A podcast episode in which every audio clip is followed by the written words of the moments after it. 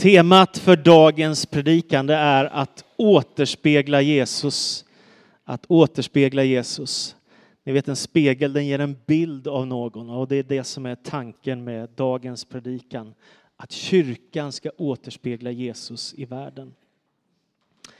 Det kan ha varit sex, sju år sedan vi befann oss i Thessaloniki och hälsade på i vår vänförsamling som vi har där. Och våra barn, Robin och Eleni, följde med oss hem till John Demetriades dotter, han som var pastor där i många, många år. Hon är inte så ung längre, hon måste vara i 60-årsåldern. Hur som helst så var det i alla fall så här att när vi kom hem till dem så möttes vi av en enorm kärlek, en enorm vänlighet, en sån otroligt stor godhet, så mycket varma ord, så vänliga hälsningar, kramar, väldigt mycket mat också. Ni vet greker och mat, det, är liksom, det hör ihop. Och dessutom för oss som är män då, så får man liksom alltid en portion till när man har ätit upp. Det tar aldrig slut, vet ni, så är det. Men i varje fall så var det en helt fantastisk dag och det här var när vi började lära känna dem ordentligt, den här familjen. Marias familj. Och sen när Robin, min son, går ut tillsammans med mig ifrån och min fru och min dotter också ifrån det här från den här lägenheten som de bor i mitt i stan där så fick han tårar i ögonen för att han var så djupt berörd av de fina ord som Maria hade sagt till honom och som han hade fått höra och hon hade som en liten hälsning till honom att Gud, du, Gud vill någonting med ditt liv. Och han var jätte, jätteberörd, gick med tårar i ögonen. Och då tänkte jag, det där är Jesus likt, att återspegla Jesus. Och det är en utmaning för alla kristna och för varje församling, för varje kyrka. Att bli lik Jesus så att det som vi har smittar av sig till andra och blir attraktivt. Det finns ingen kristendom utan kyrkan. För kyrkan eller församlingen, det är de som följer Jesus. Det är ju inte en byggnad utan det är människorna som är kyrkan i världen. Problemet med kyrkan det är att den är precis som ett tveeggat svärd. Den har två sidor. När den gör Guds vilja och när den gör det som den är kallad att göra i världen för Kristus, när den söker Guds rike först, när den tjänar medmänniskor osjälviskt och gör gott, då är den alldeles enastående, det vackraste som finns. Men när kyrkan sviker sitt uppdrag och inte gör det den ska, vilket händer ibland, då förråder hon sin kallelse. Och det är en tragedi eftersom kyrkan är satt att vara ett vittnesbörd om Guds kärlek i världen. Därför är församlingen så viktig. Den har med Guds frälsningsplan att göra. Det är därför man inte kan nedvärdera församlingen, därför att den är Guds ögonsten, den är Guds redskap i världen. Och oavsett om det är en extremt imponerande, gigantisk storstadskyrka, en katedral eller en sån här häftig modern megakyrka, eller om det är en liten församling på landsbygden som kämpar med några få, så är det ändå ett uttryck för Guds vilja i världen. Det är Jesu Kristi kallelse till mänskligheten att bli församling. Och antalet människor, om det är tre som samlas eller 10 000 är inte det viktigaste, utan det viktigaste är troheten till Jesus Kristus. En av de författare som jag har läst, han heter Rick Warren, han är pastor i en församling som heter Saddleback Church i Los Angeles. Han skriver så här. Jag älskar församlingen av hela mitt hjärta. Det är det mest lysande koncept som någonsin har skapats. Om vi vill bli lika Jesus måste vi älska församlingen som han gör och vi måste lära andra att älska församlingen. Visst är det bra? Det är inte alltid så lätt och det beror på en sak, att det är människor som möts i församlingen, eller hur? Och vi är inte perfekta utan vi är ofullkomliga och därför så är ju gemenskapen ibland skör. Men jag har ett minne ifrån, vi brukade när jag jobbade i Jönköping dra med oss bibelskoleeleverna till bland annat den här församlingen i Los Angeles, en jättestor kyrka. Eh, och vi kom en dag för ungefär tio år sedan med ett härligt gäng, 30-40 bibelskoleelever och drog in där i en kyrksal som rymmer många, många tusen människor. Och sen så drog gudstjänsten igång och det var ganska högljudd, rockig lovsång. Och så pratade jag med en av kyrkvärdarna där och han var i 75-årsåldern. Jag tänkte det var, kan ju inte ha varit hans musikstil. Så jag frågade, hur kommer det sig att du går hit? Jag tänkte liksom, det kan ju finnas någon med lite lugnare musik som passar lite bättre så. Och då svarade han, jo, jag går hit för att det här är den vänligaste platsen på jorden, sa Och sen sa han en sak till. Den andra anledningen att jag går hit, vi stod precis utanför kyrkan då, det är den här dopgraven. Jaha, så vad är det med den? Jo, här har vi döpt 12 000 människor till Kristus sen jag kom med i den här församlingen. Det var inte ett svar som jag hade förväntat mig. Jag blev lite överraskad, men jag tyckte det var stort att förstå vad som hände i denna församling, hur många människor som kom till tro på Jesus och hur många som blev döpta. Jag tänker att man måste våga tro på kyrkan, man måste lära sig att älska församlingen i all sin ofullkomlighet och brist eftersom den är Guds redskap i världen och om man tänker på hur många församlingar det finns i världen så blir det ganska hoppfullt. Du kan räkna dem i miljontal i alla världsdelar. Vi finns över hela världen och samlas kring Jesus. När Jesus börjar predika så är det en Gudsrikesvision som han förmedlar. I Markus evangeliet kapitel 1 och vers 15 så säger han Tiden är inne, Guds rike är nära. Omvänd er och tro på budskapet. Tiden är inne, Guds rike är nära. Alltså, genom Jesus Kristus så kommer himmelriket till jorden. Och det beror ju på att Gud har sänt sin son Jesus Kristus ifrån himmelen för att bli en av oss, för att bli människa, för att rädda världen och för att frälsa världen. Därför är det himmelriket som drar fram när Jesus kommer och vandrar i Jerusalem, i Galileen och var han nu är. Med hans ord och gärningar, med hans helande under och befrielser så drar Guds rike fram som en vind i världen. Och Jesus ger själv en bild. Han säger Guds rike är som ett senapskorn. Det börjar när man sätter det i jorden bara som en litet, litet frö. Men när trädet växer upp så blir det ett jättestort träd och fåglar kan bygga sitt bo i trädet. Va? Och på samma sätt är det med Guds rike. Tanken är att det ska växa över hela världen.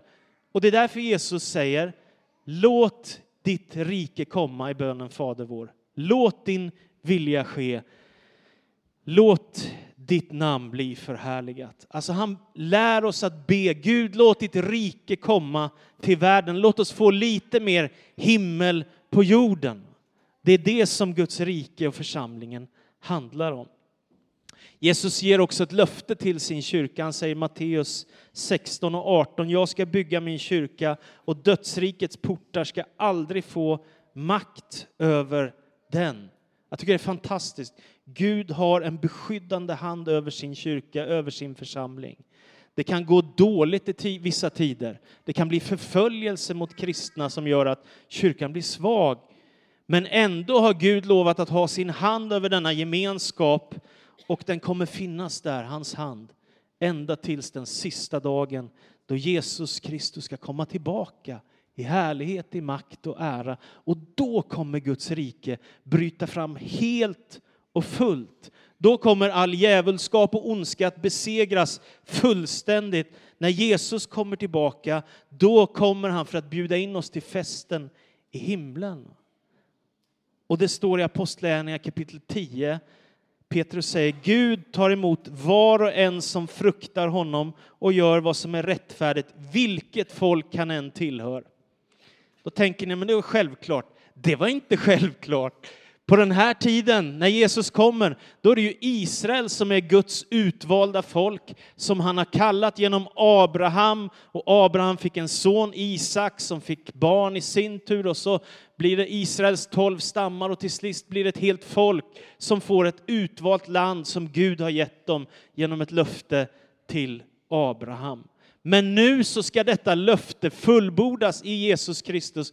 Och det är inte så att Jesus och församlingen ersätter Israel. Det är tvärtom så att Gud utökar sin välsignelse att gälla till hela världen.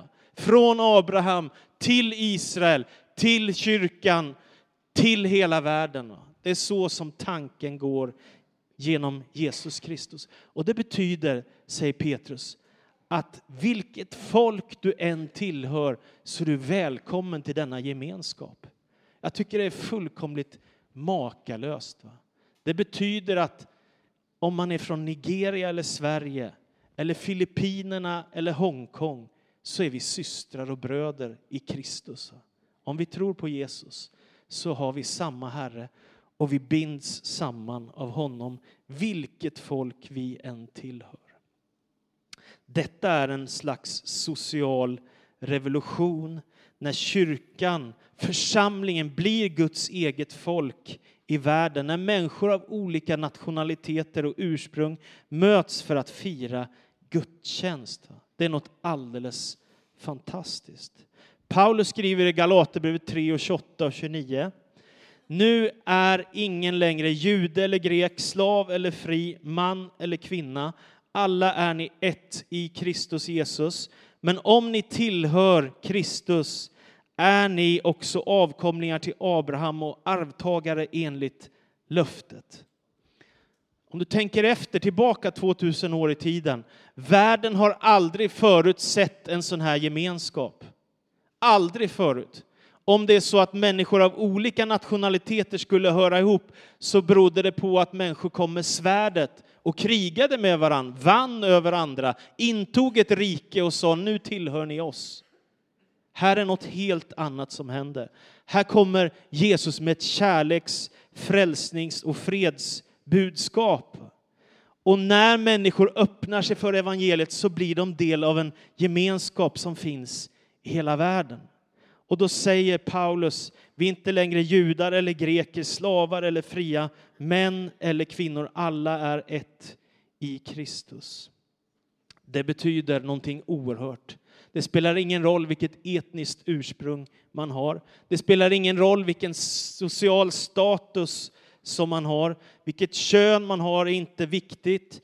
Kyrkan är inte en hopsamling av människor som har olika värde, utan kyrkan, församlingen, det är en gemenskap där alla är lika mycket värda.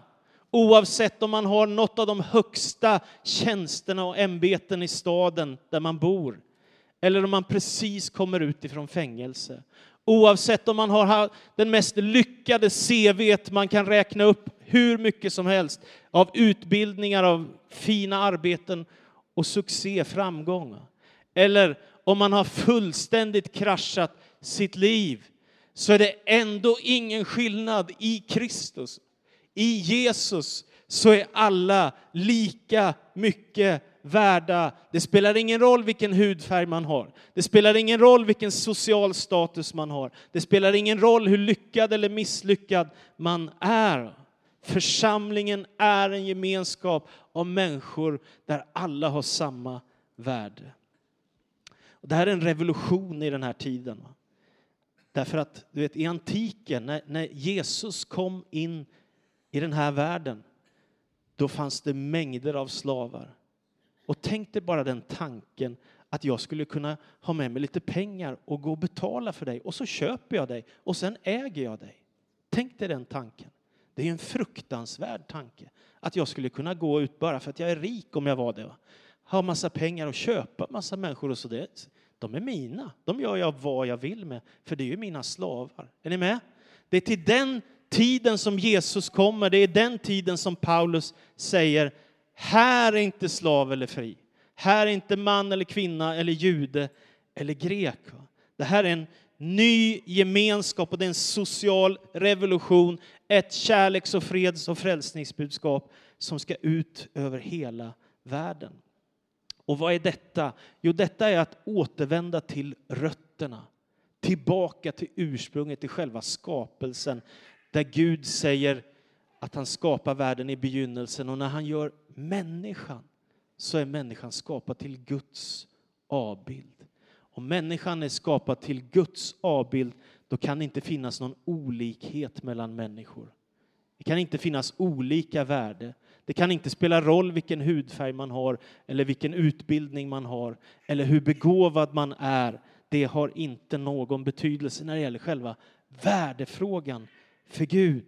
Han älskar alla och han har skapat alla till sin avbild. Därför har alla människor samma värde inför Gud.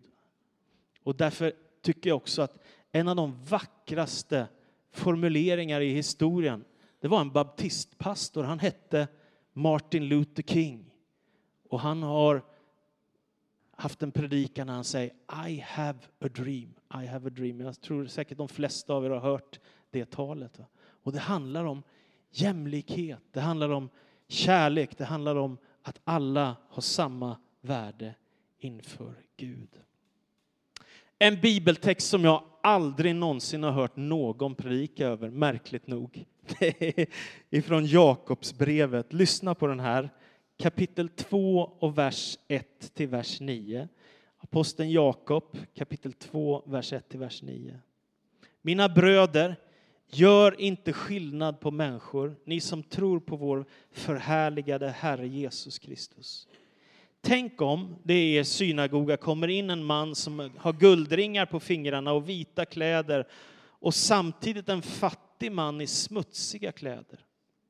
Om ni då bara har ögon för en finklädde och säger till honom, här är en bra plats till dig, men till den fattige, ställ dig där borta eller sätt dig på golvet vid mina fötter. Gör ni då inte åtskillnad och fäller orätta domar? Hör på mina kära bröder, har inte Gud utvalt dem som är fattiga i världens ögon och skänkt dem trons skatter och arvsrätt till det rike som han har lovat dem som älskar honom? Ändå visar ni förakt för den fattige. Är det inte de rika som förtrycker er och släpar er till domstolarna? Är det inte de som smädar det härliga namn som har uttalats över er? Om ni uppfyller lagens kungsbud, det som enligt skriften lyder, du ska älska din nästa som dig själv, då gör ni rätt. Men om ni gör skillnad på människor begår ni synd och lagen stämplar er som överträdare. Jag tänker det här är en stark profetisk proklamation. Alltså om det kommer en fattig, om det kommer en rik, om du gör skillnad på de människorna som kommer in i gemenskapen, då syndar du mot Gud, säger Jakob. Det är märkligt att jag under 48 år aldrig har hört någon predika över den här texten, men jag tycker att den är helt fantastisk. Därför att den sätter vårt värde i perspektiv. Alla har samma värde inför Gud. Kyrkans uppdrag, församlingens uppdrag i världen, det är att återspegla Jesus själv. Det är vår utmaning. Och det är därför som församlingen är så viktig. En av de allra vackraste bilderna på kyrkan i Nya testamentet, det är bilden Kristi kropp. När vi tillsammans tjänar Gud och när vi tillsammans följer Jesus, när vi tillsammans lever i hans kärlek, då blir kyrkan ett uttryck som om det vore Jesus själv. Jesu Kristi kropp på jorden. Vi är kallade att vara lik honom. Och det står i Apostlagärningarna 10 om Jesus att han gick runt och gjorde gott och botade alla. Jesus, det är en slags kärleksgestalt som visar världen vad Guds rike är. Och kyrkan är kallad att vandra i Jesu fotspår. Målet är för oss alla som troende för den som söker sig närmare till Gud att bli lik Jesus. Och vilket fantastiskt liv man får då. Om man inte lever i hat och bitterhet och förtal och elakheter och smutskastar människor utan försöker älska, försöker göra gott, försöker visa kärlek, försöker göra omgivningen bättre.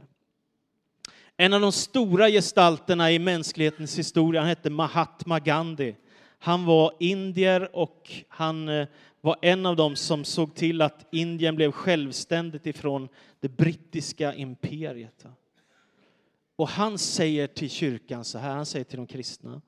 Jag tycker om er Kristus, men jag tycker inte om era kristna.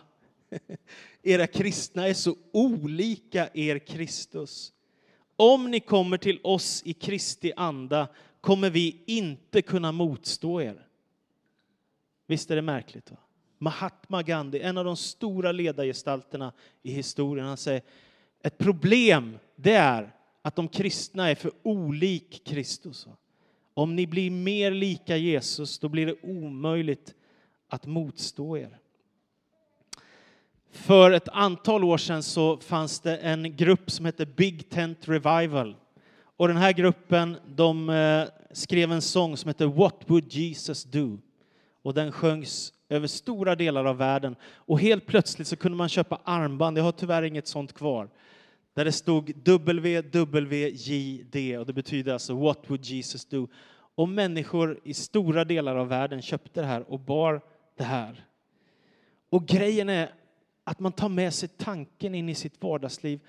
Om Jesus kom nu i den situation jag är i, på mitt arbete, i min skola, i min vardag, på min fritid, med mina grannar eller vad det är, vad skulle han ha gjort? Hur skulle han ha betett sig? Det är en sån bra fråga att ta med sig. Det är lätt att liksom brusa upp, det är lätt att bli irriterad på små saker, det är lätt att tappa bort Jesuslikheten. Men det är vår utmaning att ha med sig i vardagen. Vad skulle Jesus ha gjort? Hur kan vi vandra i hans fotspår? Låt mig berätta en fantastisk berättelse. Tony Campolo som är pastor och författare, han har berättat om en av de mest omvälvande händelser som hände honom i hans liv. Han var nämligen på resa och han kunde inte sova eftersom han hade hamnat i en annan tidszon. Så det var många timmars skillnad nu. Så när midnatt hade passerat och han insåg det är omöjligt för mig att somna, då bestämde han sig för att gå till ett café som hade nattöppet. Det han inte visste var att hit brukade prostituerade kvinnor komma på natten. Kanske för att dricka något och kanske för att få en liten paus bara ifrån eländet som de har i livet. När han sitter där så lyssnar han till ett samtal mellan två prostituerade kvinnor. Den ena heter Agnes. Nu berättar hon att det är min födelsedag imorgon. Den andra tjejen blir uppretad och säger varför berättar du det för mig? Har du tänkt att jag ska ordna tårta och sjunga för dig eller vad är det? Och Agnes blir ledsen och säger varför är du så elak mot mig? Varför måste du trycka ner mig? Jag har aldrig någonsin firat en födelsedag, så varför skulle jag göra det nu? Tony, pastorn, hör samtalet på kaféet efter midnatt. Så ser han hur tjejerna går iväg ut i natten igen i prostitutionens elände. Han går fram till kaféägaren och så frågar han, skulle vi kunna ordna en födelsedagsfest, du och jag? Det går kaféägaren med på. Så Tony ber honom att ordna tårta, ljus, dekorationer. Han ska betala för allt det här inför morgondagen och de gör sig redo. Och sen vid midnatt så är han tillbaka där. Och sen så kommer Agnes och hennes kompis in igen. Och då ropar de surprise! och sen så börjar de sjunga en födelsedagssång för den prostituerade kvinnan som aldrig någonsin i hela sitt liv har firat en födelsedag. Han ställer fram tårtan framför den här kvinnan. Och när hon ska skära i tårtan så rinner så mycket tårar så att hon liksom, nej det går inte, får jag ta med tårtan hem istället? Och det säger han ju självklart ja till. Och så är hon kvar där ett tag. Hon tänker på den kärlek som hon har mött. Sen lyfter hon upp tårtan och vandrar ut i natten som om hon bar på den mest dyrbara skatt man kan tänka sig. När kvinnorna har gått ut igen så reser sig Tony på kaféet och så ber han en bön. Gode Gud välsigna de här kvinnorna. Låt dem komma loss ifrån detta liv som de lever. Och så säger han Amen. Då säger kaféägaren, jag visste inte att du var pastor eller präst. Nej, men det är jag, sa Tony. Ja, vad tillhör du för kyrka? Var kommer du ifrån då, säger han. Jag tillhör en kyrka som ordnar födelsedagsfester för prostituerade kvinnor halv fyra på morgonen, svarar Tony. kaféägaren han svarar, nej det kan du inte göra. Det finns ingen sån kyrka. Men om den fanns, då skulle jag gå med i den. Ja, den kyrkan skulle jag gå med i, säger han. Det där har hänt mig några gånger i livet också. Jag har suttit med människor som är sökare och har suttit och pratat om varför är du kristen? Varför är det så viktigt med kyrkan och varför? Människor som man med sin livsstil tänker lever väldigt långt borta. Och ett av de starkaste minnen jag har det är en människa som lever ett ganska brutalt liv. Som när jag hade berättat varför jag är kristen och varför jag är med i församling så sa han till mig jag skulle vilja vara med i din församling. Fantastiskt. Jag tror att människor inte har förstått hur stort det är att tillhöra en kyrka. Men vi är ofullkomliga, hur ska vi då lyckas? Det är inte ett problem om vi försöker att älska varandra, om vi försöker att älska medmänniskor. Det finns en kyrka i USA som har en skylt på byggnaden där det står No perfect people allowed. Alltså, inga fullkomliga människor är välkomna. det låter väl bra? va? Och då tror jag att det funkar för alla, för det finns inga perfekta människor. Utan vi är ofullkomliga. Va? Och så bygger man en församling, en gemenskap med nåden som utgångspunkt och förlåtelsen som utgångspunkt. Jag tycker det är bra. John Burke som är pastor där, han skriver om en kvinna som kommer till församlingen. Och så här säger hon. Jag trodde aldrig att jag skulle bli så upprymd av att gå i kyrkan. Jag är inte ens säker på hur det kom sig att jag började gå hit. Den gången lämnade jag kyrkan med en obeskrivlig känsla. Under hela gudstjänsten ville jag börja gråta. Inte för någon speciell orsak, bara av en överväldigande känsla av kärlek, mening och glädje. Det var hennes upplevelse. Och jag tänker om kyrkan blir mer Jesuslik, då kommer det hända oftare och oftare. Och det visar hur viktigt det är med Jesus likhet. Jesus bjuder in oss till en gemenskap av glädje. Aposteln Johannes skriver, vi, vi vittnar om det vi har sett och hört och vi bjuder in er till en gemenskap som är en gemenskap med Fadern och hans son Jesus Kristus. Inte en klubb, inte en liten trött förening, utan en gemenskap med Gud och Jesus i centrum som gäller alla människor i hela världen. Och det står om urkyrkan när de möts i Apostlagärningarna 2, att de möttes i templet och i hemmen i jublande uppriktig glädje. De prisade Gud och var omtyckta av folket och Herren lät var dag nya människor bli frälsta och förena sig med dem. Den som blir kristen kommer in i en väldigt stor värld. Man får fler syskon i familjen än någon annan familj har. De är väldigt, väldigt många som bekänner Jesus som Herre i världen. Aposteln Paulus skriver till sist i första Korinthierbrevets tredje kapitel. Ingen ska grunda sin stolthet på människor. Allt tillhör er. Paulus, Apollos, Kefas, hela världen, livet och döden, nutid och framtid. Allt är ert, men ni tillhör Kristus och Kristus tillhör Gud. Ibland blir det som att visionen av den kristna tron, av Guds rike, av kyrkan blir något smått för några få bara. I tanken. Men Gud har en annan tanke och det Paulus har sett det är detta att du behöver inte välja om du ska lyssna på Paulus eller Apollos. Du behöver inte fundera på om du ska ägna mest uppmärksamhet åt nutiden eller framtiden. Du behöver inte brottas med frågorna om livet eller döden. Allt tillhör er, säger Paulus.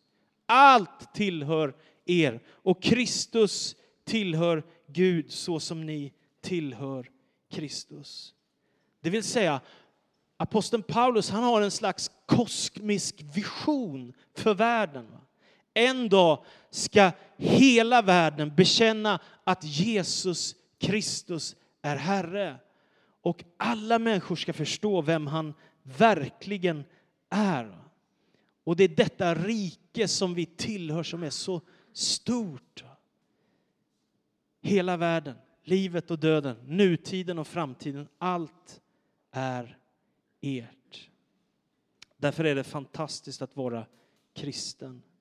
Det är platsen, gemenskapen, församlingen som är för Guds närvaro. Och man kan inte definiera kyrkan utifrån en nationalitet eller en hudfärg eller ett språk eller något sånt. Nej, allt tillhör oss och hela världen kan ta emot detta glädjebudskap om Jesus Kristus som frälsare.